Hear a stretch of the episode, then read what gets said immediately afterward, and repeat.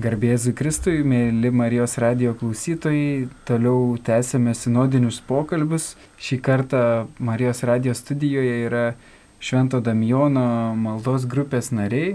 Tai kviečiu kiekvieną iš jūsų trumpai prisistatyti, pasakyti savo vardą. Sveiki, aš esu Algymantas. Sveiki, aš Eglė. Labas vakaras, Antanas. Ir norime jūs pakviesti į pokalbį apie bažnyčią, apie susibūrimą, apie vienybę, apie tai, kas mus džiugina bažnyčioje, pasidalinti apie tai, kas skaudina ir kaip brolius ir seseris susibūrusius tėvo akivaizdoje. Ir kviečiam šią laidą irgi pradėti sinodo maldą. Stovime priešais tave šventoji dvasia, susirinkę tavo vardu. Tik tu viena mus veski Te būna mūsų širdis tavo namai, parodyk mums kelią, kuriuo turėtume eiti ir pamokyk, kaip jį įveikti. Šventoji dvasia te vadovauja sinodiniam keliui ir visus te veda į tiesos pilnatvę. Tai visų pirma, norisi paklausti apie bažnyčią, apie jūsų patirtį, kaip jūs atradot bažnyčią. Na, aš, pavyzdžiui, dirbu mokykloje ir mano kaip mokytojo, tikybos mokytojo uždavinys yra pabandyti vaikams praverti duris į tikėjimą, į Dievo pažinimą. Susiduriu su tokiu iššūkiu, kad kartais atrodo neįmanoma to padaryti. Gali daryti cirko pratimus, kulverščius, verstis per galvą ir, ir niekaip neprisibelsi į kitų jaunų žmonių širdžių. Kaip atsitiko, kas per stebuklas, kad jums pavyko atrasti tą bažnyčios grožį, Dievo šlovę? Tai aš galiu gal pirmiausia pasidalinti, kad su bažnyčia kaip su pastatu susipažinau tai anksti, nes mane mačiutė nusivesdavo, bet tada dar man tiesą pasakius nelabai ten patiko būti, o bažnyčia vėliau atradau jau daug vėliau kaip bendruomenė, tai yra netiksli data, kai buvo 2007 metais Teresėlės relikvijos buvo atvežtos į Lietuvą ir aš sutikau daug jaunų žmonių ir jie pakvietė būti kartu, bendrauti Tai vyko daugiau net ne bažnyčių, bet sporto salėse. Tai buvo bendri renginiai to Teresėlės relikvijų atvežimų į Lietuvą. Ir aš tada pajutau, kad kažkas yra tarptų žmonių ir kad aš norėčiau būti panašus į juos. Tai gal toks susitikimas tiesiog ir po to tiesiog atradau bažnyčią. Ačiū Elgimantai, Eglė. Mane irgi iš Ančių bažnyčia, babytė, amžinatilsi vesdavosi, tai va mano vaikystės bažnyčia ir O paskui ateitininkai buvo, buvo Vytauto bažnyčia Jordano maldos grupė, mano pirmoji maldos grupė. Paskui neokatechumenato keli buvau. Kažkaip taip ir įvyko. Bet čia tikrai didelė dovana ir didelis stebuklas būti bažnyčiai, būti su Dievu, nes tai yra nu, tikrai tikroji laimė, aš galvoju. Ir dabar, vad, San Damiano maldos grupė labai labai džiaugiuosi nu, nepaprastai. Tai žmonėm ir ta bendrystė kažkokia nepaprasta, nes daug džiaugsmo, žaidimų, juoko ir gilios maldos, kai reikia. Ir svarbiausia tokios bendrystės, brolystės. Tai labai jam dėkinga. Antanai. Nu, tokia bažnyčia irgi, kaip lankiau katalikišką mokyklą, nuo pat mažumės patarnaudavau mišiose, bet toks jau lūžis įvyko, toks, kad atradimas tos jo irgi tokios, kad atradimas kaip gyvos bažnyčios, kaip e, jaunos bažnyčios, gal irgi, nu, kairos rekolekcijos iš tikrųjų. Ten, vat, jaunimo rekolekcijos buvo ir su jaunimu, kaip sakant, mačiau gyvą bažnyčią ir iš pažinties sakramentą atradau kitaip visiškai, labai mane palėtų, kaip sakant, išlaisvino. Dar po to tokiam vat, žygyje dalyvavau tuo pačiu metu pranciškoniško jaunimo atgailo žygis buvo iš Varnių į Kretingą nu, pasikliovimas apvaizda irgi buvo, vat, kad eiti ten irgi be, be maisto, be nakvynės ir tas Dievo gerumas irgi kažkaip leido patirti per žmonės tą atrasti Dievo gerumą. Tai va tokia mano patirtis. Aš irgi trumpai norėčiau pasidalinti mano tokia patirtim, kad irgi kiekvieną sekmanį su tėvais važiuodavom į mišes Ir tai tapdavo tokia kaip tradicija šeimos, visai graži, nes po to mes kažką kartu veikdavom, ar važiuodavom į gamtą, ar kažkur į kavinę gal, bet uh, atsimenu vieną sykį, turėjau vieną draugę ir jinai pakvietė važiuoti į Zarasų rajono Baltriškės, ten tokia stovykla, aš atsisakiau, tada jinai mane kvietė žiemą. Nu ir aš galų gale nuvažiavau. Ir ten buvo vienuolynas, bet aš Vykęs ten pradėjau bijoti, ar čia katalikų vienuolynas, nes e, kažkaip yra daug džiaugsmo, yra tokio paprastumo, nėra kunigai, nėra kažkaip pošniai apsirengę ir, ir nestovi ant pakilos ir jie nuoširdžiai bendravauja, ko nebuvau matęs 10 dar daugiau, 15 metų jokioj parapijoje. Ir man viduje atsimenu kilo toks maištas, kaip taip gali būti, čia kažkokia nesąmonė, čia ne bažnyčia. Ir, ir atsimenu tą maištą, tai stiprus perėjimas man buvo, kai aš užlipau, galim sakyti, ant to kalno ir pamačiau tą kitokią bažnyčią, kur tu gali būti savimi, bendrauti. Ir va, tokia patirtis ir man reikėjo laiko priimti, kad Dievas yra artimas, mylintis, o ne kažkoks aukštai esantis e, tvarkdarys, kuris atsakingas už tai, kad dešimt Dievo įsakymų būtų įgyvendinti. Tai man buvo didžiulė dovana. Tai, mėly Marijos radio klausytojai, tikrai Vilėmės, kad ir jūs turite tokių pasakojimų, o jeigu dar nesate atradę to gyvo mylinčio Dievo, tai tikrai, manau, savo maldą galėsim neštis visus klausytojus. Ir e, norime dar keletų klausimų užduoti. Aš norėčiau užduoti ir norėčiau, kad mes pasidalintumėm. Dauguma žmonių e, ieško tikro gyvenimo, tikros meilės, tikrų vertybių. Daug žmonių išgyvena sunkumus, bando per juos eiti Bet kaip jūs įvardintumėt, kas yra tas tikras gyvenimas, tikra meilė jūsų manimu, kaip tikinčių žmonių, bažnyčios narių, kurie dalyvauja sinode? Algymantai, gal tu galėtum pradėti? Aš galvoju apie tikrą gyvenimą, tai, nu, tikrą gyvenimą einant per sunkumus, tai kai eini per sunkumus, tai atrodo, kad nėra gyvenimo. Tada, tada atrodo, kad yra tik sunkumai, kad kažkas liūdno, kažkas sunkaus, kažkoks skausmas.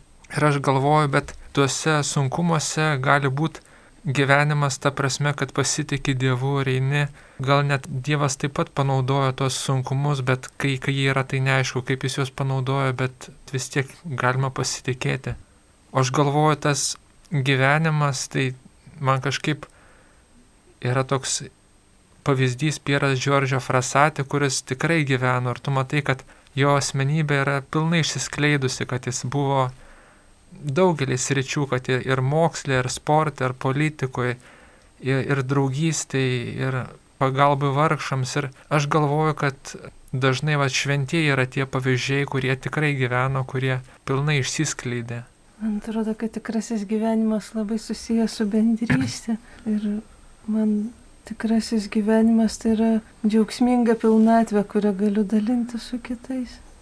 Iš pradžių net nežinau, kaip atsakyti apie tikrą meilę, bet paskui mintysė kažkaip iškyla Jėzus, jo meilė iki galo, iki kryžiaus mirties. Tokia besąlygiška viską atiduodanti meilė, kurios, manau, visi trūkstam. Man mintysė skamba, vat, nu, iš Evangelijos Jėzaus žodžiai kažkaip. Aš noriu, kad jūs turėtumėte gyvenimą apšiai, jo turėtumėte tas apšiai.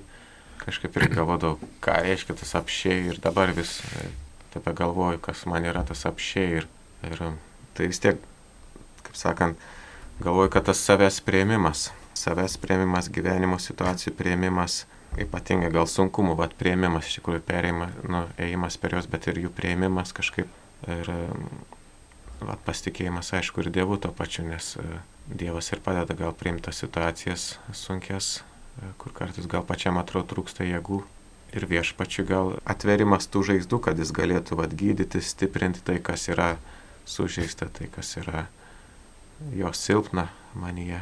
Man iš tikrųjų atsakyti šitą klausimą labai sunku, bet e, kažkaip man atsimena vienas iki su Algiu važiavom dviračiais ir, ir kažkokia buvo stipri mintis apie kančią, ne, kad na, kančia yra toks dalykas, tu gali ją aplenkti, gali ją neikti, gali užgneušti gali save dirbtinai linksminti arba gali būti joje. Tai reiškia, nemanau, kad reikia save būti kaip mazochistu, kuris save kankina ir, ir tik didina savo kančią, bet e, tuo, kuris eina per ją ir žino, kad išaušta diena ir priema tą realybę, kad e, aš ieškau pagalbos, bet e, priemu, kad yra ir nelengvų dalykų.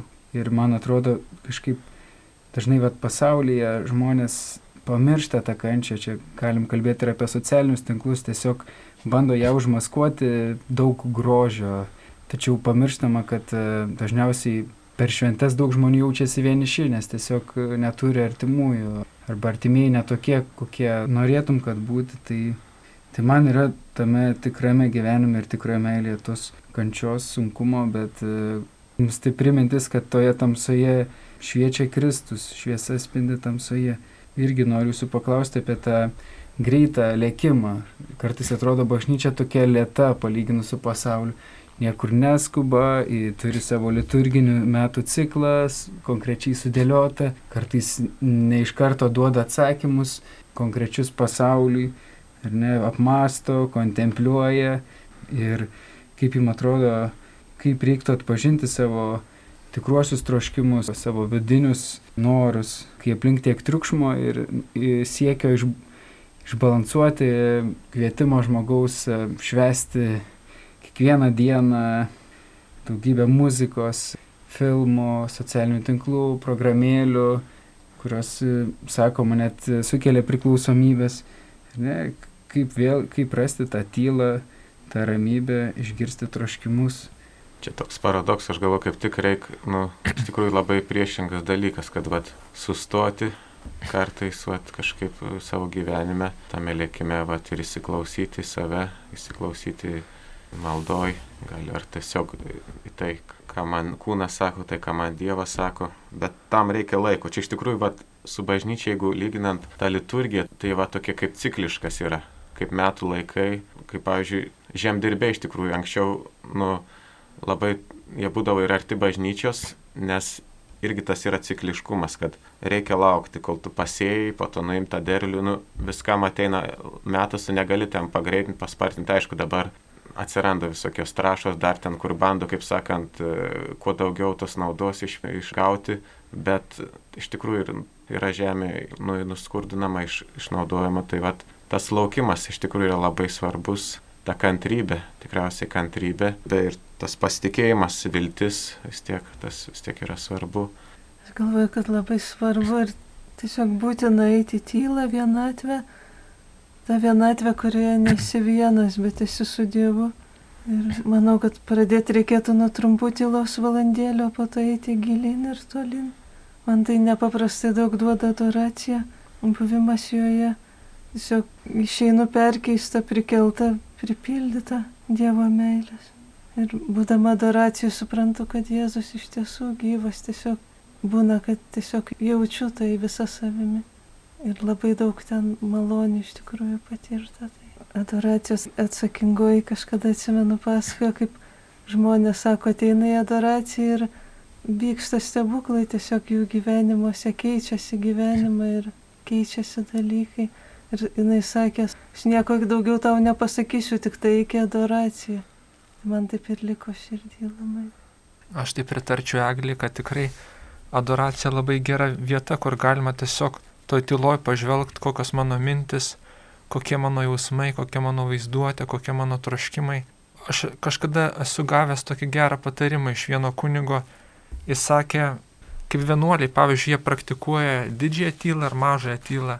Ta prasme, kad didžioji tyla tai būtų vakare, tarkim, nuo 9 val. kažkur, o mažoji tyla tai, tarkim, dienos metu pasirinktinai galima kokią vieną valandą ar pusvalandį. Tai tiesiog galima tų progų šiaip nedaug yra tylai, bet galima ta, savo tiesiog tada dirbtinai susikurti, kad pavyzdžiui išjungti telefoną pusvalandžiui ir valandai dienos metu ir tai tiesiog pabūti tylo ir kartu ir savo viduj tą laiką ir tai padeda išgirsti. Taip pat aš galvoju, kad galima savo ir dovaną kartais pasidaryti, nuvykti į kokias rekolekcijas ir į kokią vienuolyną, pabūti porą dienų. Iš tikrųjų, aš šitą klausimą galvoju, aš galėčiau pasakyti, e, kaip neišgirsti savo tikrųjų troškimų, kai aplink tiek triukšmo. Ir prisiminiau Liuviso knygą Kipšo laiškai, kur irgi jis dalina patarimus, kaip nepatekti į dangų, ne? Nes aš tikrai, pavyzdžiui, savo dienoje labai dažnai pastebiu, kaip aš bandau nutildyti tylą, gal ne taip galima pasakyti, kad tylos nebūtų, kad triukšmas būtų vietoj tos tylos, ne, tai, tai irgi, vat, man tos visokie socialiniai tinklai, žinutės, muzikos nori įsijungti, Ar ne, ypatingai, kai yra kažkoks nepatogus laikas, konfliktas šeimoje, tiesiog ir dabartinė, pavyzdžiui, mano situacija, turiu sūnų ir grįžęs namo dažniausiai laiką leidžiu su juo, tai teikia man labai daug džiaugsmo, bet ir aš toje bendrystėje atrandu savo vidinę tylą, kad ir kaip paradoksalu būtų, gali būti daug triukšmo, bet esu tikrasis aš ir at, esu labai dėkingas savo sūnui, nors jis turbūt nu, dėl to nėra nei, nei kaltas, nei specialiai kažką daro, bet tiesiog mažas vaikas, su kuriuo mes išeinam pasivaikščioti ir galim stebėti akmenukus sukoncentruoti savo dėmesį į vieną dalyką ir grožėtis tuo, kas yra, neskubėti, viską labai lietai daryti, tai yra man didžiulė dovana ir taip pat irgi švenčiausio sakramento adoracija, kur išgyvenu kartais kaip kova tą laiką, nes pasaulio šurmulys, tai triukšmai man neleidžia ilgą laiką įsijungti į tą maldą, bet tai yra iššūkis išgirsti save, bet e, manau, kad įmanoma ir tai reikia norėti.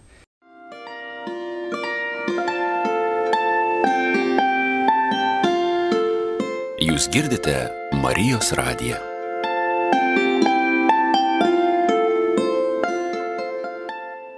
Primenu, kad girdite laidą, kas rūpi jauniems, kalbame sinodinę temą apie bažnyčią, apie svarbiausius dalykus, kurie mus jaudina. Noriu paklausti apie gyvenimo prasme. Ar dažnai susimastot apie gyvenimo prasme? Ar jūsų gyvenimas prasmingas? Vat ir norėčiau pradėti tokiu pavyzdžiu, šiandien kaip tik turėjau pamoką su vienuoliktokais ir irgi reikėjo jiems užbaigti sakinį. Šią savaitę jaučiau, kad gyvenimas yra prasmingas, kai ir jie sako, niekada apie tai nepagalvojau. Ir vienas, ir kitas mokinys taip taip sako. Ir po to mes išsiaiškinom, kad kai tu jauti prasmingą gyvenimą, tai tu net nekeli klausimo. Na, galbūt, nežinau. Tai buvo man toks e, pamastymas ir siunčiu toliau estafetės lasdelę kažkam iš jūsų, kas norėtumėt pasidalinti apie prasme gyvenimo čia žemėje. Aš irgi galvoju, kad jeigu gyveni prasmingai, tai gal net nelabai keli to klausimą. ne, arba kitaip tariant, ta prasme, kad aš galvoju, kad jeigu gyveni iš didžiosios raidės, ta, ta prasme pilnatviškai, tai ir yra tame prasme, man atrodo.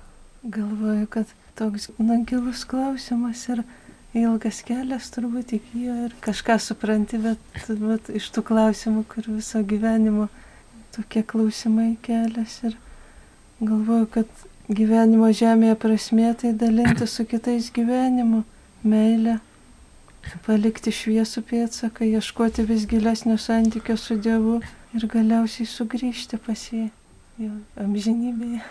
Taip, čia toks gilus klausimas kažkaip. Bet dabar šiuo metu, taip aš jau gal dažnai klausiu, bet savęs, bet kars paragalvot, gal per dažnai čia klausiu savęs. Galvoju, jo tikrai per dažnai. Ir dabar suprasti, kas tas gal gal pastebėti tiesiog akimirkas prasmingas ir nes kažkokia gyvenimo viso prasme, oho, žinai, čia gali, žinai, numirti, o galvoju, va, va, žinai, bet taip, pas, gal ir tas prasmingas gyvenimas dar iš, iš prasmingų akimirkų, iš tokių, va, trumpučių, va, papasakosiu, va, vieną istoriją, tiesiog man tai buvo, nu, aš ten dirbu benamystę patarinčių dienos centre ir buvo ten išėjusi situacija, kad tiesiog žmogus, kaip sakant, jis izoliavosi ir jo ir sirgo vat, kaip COVID ir, ir buvo palikęs tai be maistos, ten buvo uždarytas ir nelabai galėjo išeiti. Aišku, aš ten giliai nekomentuosiu, kaip ten tas įvyko, taip ir taip, bet nesvarbu. Bet principė, kad kažkaip su kita va darbuotoja galvom, nu kaip šitam žmogui pagelbėti. Ir iš tikrųjų, vat, tiesiog e, vaizduotės pagalba, kuri baigumo, ten pavyko jam e, per langą tiesiog jis nuleido virvelę ir mes jam prikabinom ten tą maišiuką maisto. Bet kas tas esmė. Aš mačiau, kaip jis džiaugiasi, tokia šypsena, tikrai buvo šypsena, aišku, ir, ir mes patys darbuotojai, dar kiti iš dienos centro ten prisijungė padėti mums, kaip sakant, tam žmogui, nu, va, tą maistą perduoti. Tai tokia, nu, man atrodo tikrai tokia, toks mažas tikrai dalykas, bet tiek džiaugsmų suteikia, tai galvoju, va. Arba kita situacija, truputį kitokia, va, pavyzdžiui, iš dienos centro, kad tokia moteris, nu, būna tiesiog, kad turi, va, ten daugelis žmonių iš tikrųjų patiria, kaip sakant, įvairias gal sunku, sunkias situacijas, ateina iš paribių žmonės, grinai iš paribių jau, nu va, kiti neturi nakvynės, ar kiti turi, bet kažkokius konfliktus gal išgyvena savo aplinkoje. Tai ir ateina kažkaip ir iš pradžių pradeda kelti, kaip sakant, nu, atrodo kažkaip ar provokuoti, ar kažkaip matyti norisi išlieti tą savo tas emocijas tokias sunkes, va, tikrai ir kažkaip man būdavo irgi, kad kaip čia reikia, bet tiesiog aš kažkaip, taip šiandien pastebėjau, pabandyti išklausyti ir kažkaip, nu kas taip tave neramina, tiesiog va, kažkaip bandyti giliau žvelgti. Ir po to, kai pamatai, kad nusiramina ir tiesiog toliau ir, ir, ir džiaugiasi tiesiog tuo buvimu. Tai man rodos čia ir yra ta tokia, nu irgi viena iš tokia akimirkų, tokių prasmingų. Tai va, tai tai kas ir sudaro tą gyvenimo prasmingumą, prasmingos akimirkos. Man būna tokių akimirkų, kai atrodo sunku, bet kažkaip staiga tam sunku metu pagalvoji ir pajauti visą savim, kad galvoju Dieve, nu bet gyvenimas gražus, jis vis tiek gražus ir va, tai man yra tos prasmės akimirkos.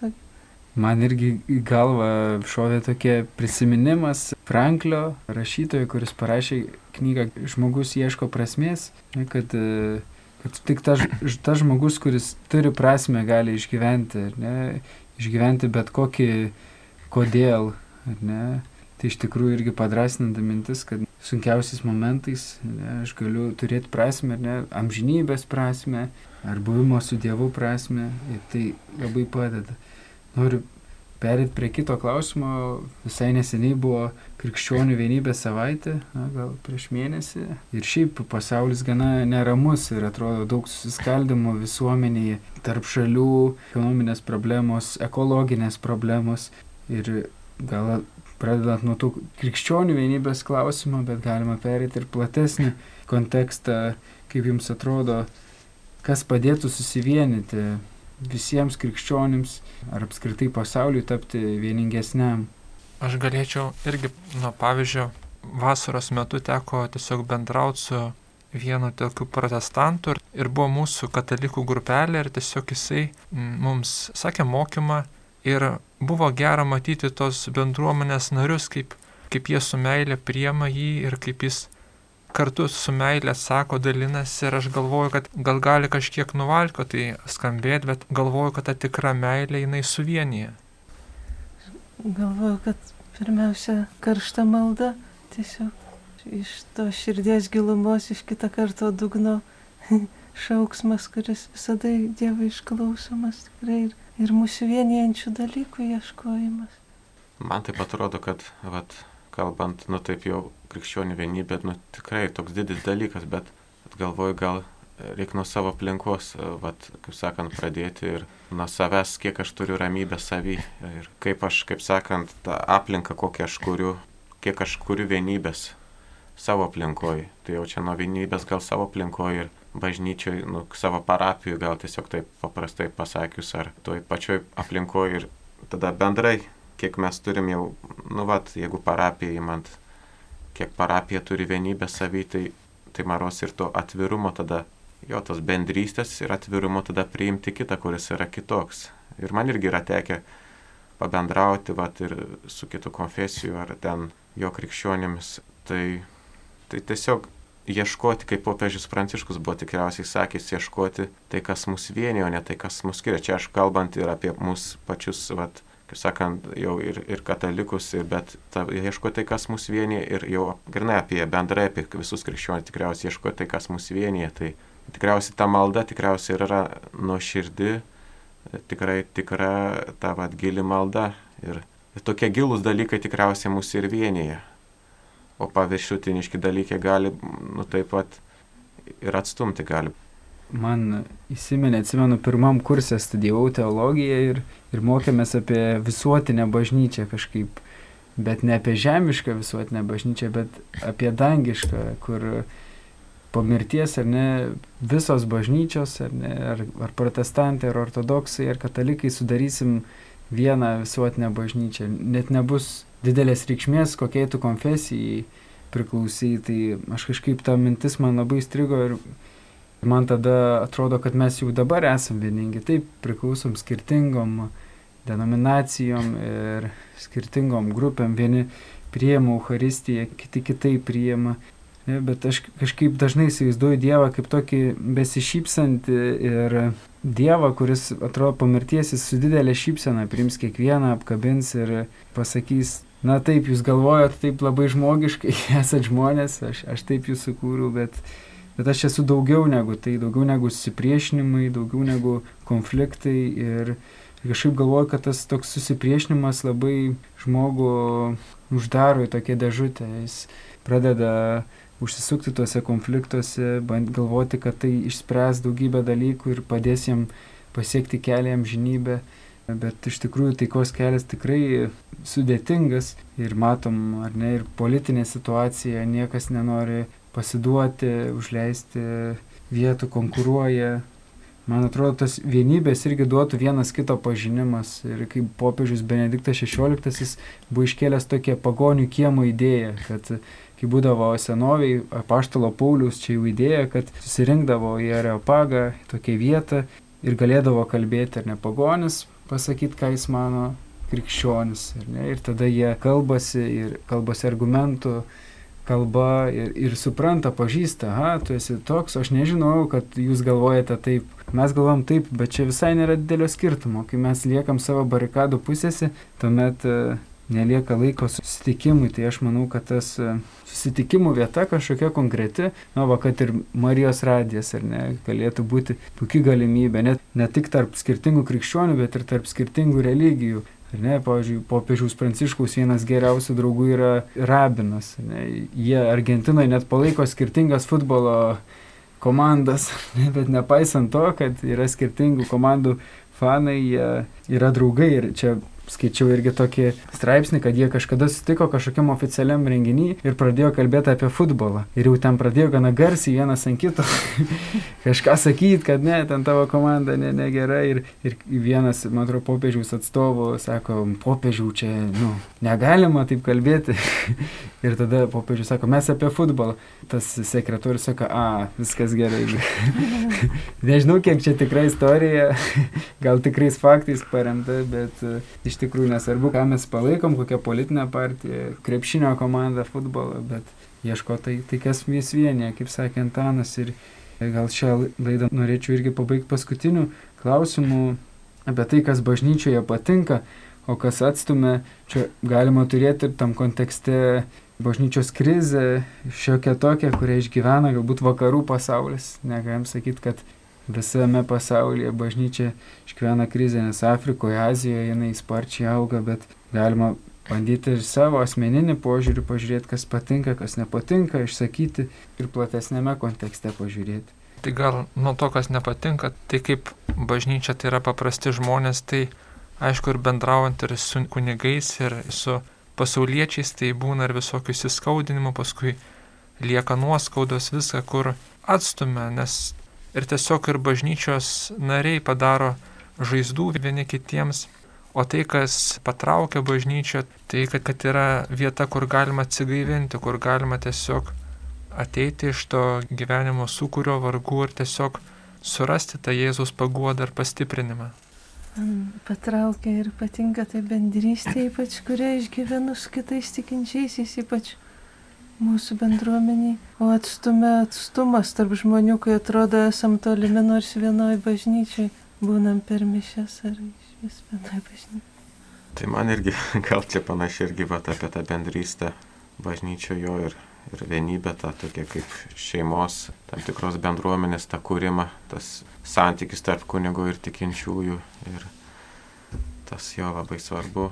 To liturgija man kažkaip irgi svarbu tas, nu, pagarba liturgijai, nu, neišradinėjimas kažkokio naujovių, labai ten ieškojimas irgi, bet ta pagarba tradicijom, nu, tradicijai ta iš didžiosios raidės, gal taip sakyti, vis tiek tokia, kokia yra ta liturgija ir, ir kokie ten, gal bandyti atrasti tos lobis, kurie ten slypi, gilintis labiau. Nu ir gėdojimas, man iš tikrųjų ir gėdojimas, kai vis tiek tam, nesu aš ten kažkoks profesionalas, bet tam tikrą muzikinę klausą turiu, tai kažkaip tas gėdojimas kartais galvoju, gal geriau kartais iš vis galėtų nebūti to gėdojimo bažnyčiui, nu nes, nu nežinau, aišku, gal Dievas, jis, aišku, jisai, kad tikrai visur veikia per, per viską, kaip sakant, ir per, per silpnumą tikriausiai, ir, bet kartais gal būtų galima pagalvoti, ar tikrai vis laik reikalingas tas gėdojimas, jeigu, nes, nu, man, nežinau, asmeniškai blaško kartais tiesiog labai, arba kartais, nu, va, tas skubėjimas, kartais irgi, nu, čia kaip kalbėjom, bažnyčia, kad nesku, bet, va, pasitaiko tų skubėjimų irgi čia aišku iš, kaip sakant, matyt, kad žmonės irgi, bažnyčiai irgi yra žmonės ir jie kartais irgi gal irgi bando prisitaikyti prie šio pasaulio, gal irgi tas toks skubėjimas irgi pagunda tokia, vat.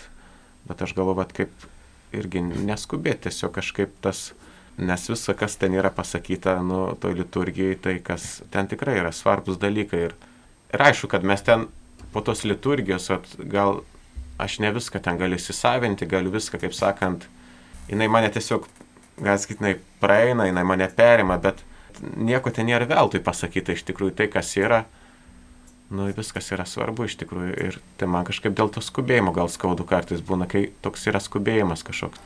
Man vienas dalykas, kuris ir patinka, ir nepatinka, tai tas Kristaus žaizdos, nežinau kaip pasakyti, bet uh, irgi atsimenu per studijas vienas kunigas labai nu, kažkaip pasakė, kad nu, Kristus turėjo žaizdas, buvo sužeistas, lygiai taip pat ir bažnyčia neturi tos žaizdas ir, e, ir to kunigo dar mintis buvo, kad ar mes per krizę, per sunkumą išliksim kartu su Kristum, jo žaizdomis, ar mes atsitrauksim ir stebėsim iš šono, ne, ir po to, jeigu kažkas praeis tą krizę, tada sugrįšim. Tai man tas labai patinka. Aš kažkaip atsimenu paauglystėje, kodėl man patikdavo eiti bažnyčią, nes tai buvo rezistencija. Ne? Aš matydavau, kad mano draugai eina gert, rūkyti, švęsti tenai, ir, o man norėjos kitokio gyvenimo. Ir aš nu, tikrai radau tą kitokį gyvenimą, atradau Marijos legioną, būdamas pauglys pas mane parapijoje nebuvo jaunimo grupės, eidavau mesti su senoliais. Tikrai daug džiaugsmo būdavo ir gal irgi Dievo dovana, tai, bet, bet va, tos Kristaus žaizdos būt, va, kovoti kartu su tuo, kas yra bažnyčiai, kad esam netobuli. Ir jo, man irgi toks skaudinantis dalykas, tai ir to lytinio piknaudžiavimo dalykai bažnyčiai, kur egzistuoja. Labai gaila, kad dangsto ir kunigai, ir taip pat pasauliečiai, kurie patyrė tą smurtą, nepasako ar ne, arba kažką žino apie kunigą, kuris tai darė, neišdrįsta, tai nežinau, tikrai kvieščiau vat, pasakyti apie tai, jeigu jūs tai patyrėte, tai yra bažnyčiai galimybė aukti ir keistis ir apsivalyti. Tai, tai va, ir dar kas man nepatinka pamokslai. Iš tikrųjų, tikrai mėgstu tokias mišes, kur nėra pamokslo arba kur yra konkrečiai apibrieštas laikas. Nu, jaučiu, kad kunigas jis jaučia ribas, ar ne, kad aš kalbėsiu septynias minutės, kartais kalba daug Ir nežinau, man asmeniškai nėra poreikio kažkaip pasipildyti tuo homiliją, man užtenka Dievo žodžio, pirmo, antro skaitinio, psalmės, tos vad liturginių visų tekstų. Tai aš suprantu, kad yra žmonės, kurie tik vieną kartą per savaitę eina į mišes arba nėra tikybos mokytojai, tai jiems natūralu, kad gali reikėti daugiau to laiko, bet norėtųs kartais galbūt net interaktyvesnių pamokslų. Aš galvoju, kartais, nu, būčiau kunigas, aš ten išdalinčiau kiek palapelį ten, arba ir kažką, kad ten užrašytų ir, at, ir duotų kažkam, arba ten uh, apkabintų, arba dar kažką padarytų tokio praktinio. Ne? Kaip irgi pasakoja viena mergina, kaip savo parapijoje buvo devintinis ir klebonas sako, aš nesakysiu jums jokio pamokslo, jums jį pasakys po mišių viešpats. Ir jisai paėmė ir po tų mišių užstatė švenčiausią sakramentą. Mišios buvo trumpesnis, bet žmonės liko, nes jis pasakė, kad nu, viešpats yra tas tyloje kalbantis. Ačiū Jums ir noriu paraginti visus radio klausytojus pabandyti įsijungti į sinodinius pokalbius, kurie tikrai vyksta jūsų parapijose vienu ar kitu būdu, paieškoti, kaip galėtumėte įsijungti, paklausti klebono, kad norėtumėte išsakyti tam tikrą savo nuomonę. Tikrai šiais metais ir šiuos du metus ateinančius esat labai svarbus bažnyčiai. Ir bažnyčia įsiklauso į mus. Ir ar dar norėtumėt ką pridėti, ar palinkėti klausytojams gal? Gal tik palinkėti, tiesiog visada būti su Jėzum. Norėčiau palinkėti savo ir jiems visiems išlaikyti siekti ramybės širdį ir išlaikyti ją, kad nuo to viskas prasideda. Linkiu gal tiesiog to pasitikėjimo, kaip savo pačiam irgi Dievu ir, ir jums e, linkiu pasitikėti Dievu, nepaisant visko, kas vyksta aplinkui mane, aplinkui mus, visame pasaulyje. Ir užbaigsim šią laidą Sinodo malda. Šioje laidoje buvo Jonas, Algymantas, Eglė ir Antanas. Stovime priešais tave šventoji dvasia, susirinkę tavo vardu. Tik tu viena mūsų veski. Te būna mūsų širdis tavo namai. Parodyk mums kelią, kuriuo turėtume eiti ir pamokyk, kaip jį veikti. Esame silpni ir nuodėmingi, neleisk mums kleisti netvarkos. Neleisk, kad mus klaidingų kelių vestų neišmanimas, ar kad šališkumas turėtų įtakos mūsų veiksmams. Leisk tavyje rasti mūsų vienybę, kad kartu galėtume keliauti į amžiną į gyvenimą, nenuklyzdami nuo tiesios kelio, nuo to, kas teisinga. Viso to prašome tavęs, kuri veiki visada ir visur, kartu su tėvu ir sunumi, per amžių amžius. Amen. Amen.